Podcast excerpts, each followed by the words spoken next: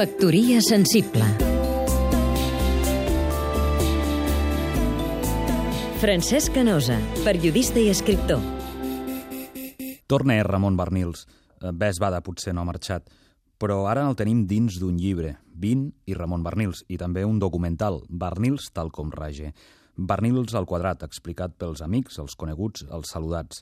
Barnils, periodista, crític, combatiu, àcid, irònic, amic, familiar, calidoscòpic. Barnils, icona de la bona. Ja és això, però més, més. Diria que Barnils va ser una aspirina efervescent pel periodisme català, però per una raó antihemorràgica.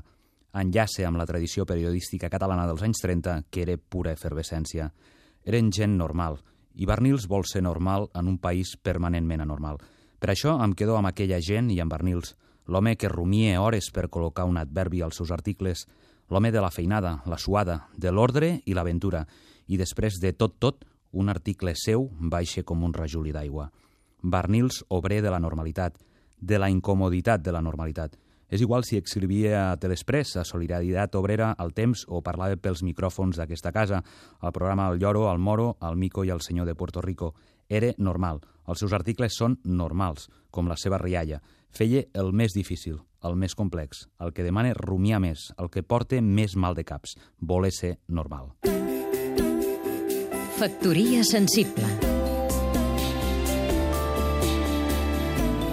Seguim-nos també a catradio.cat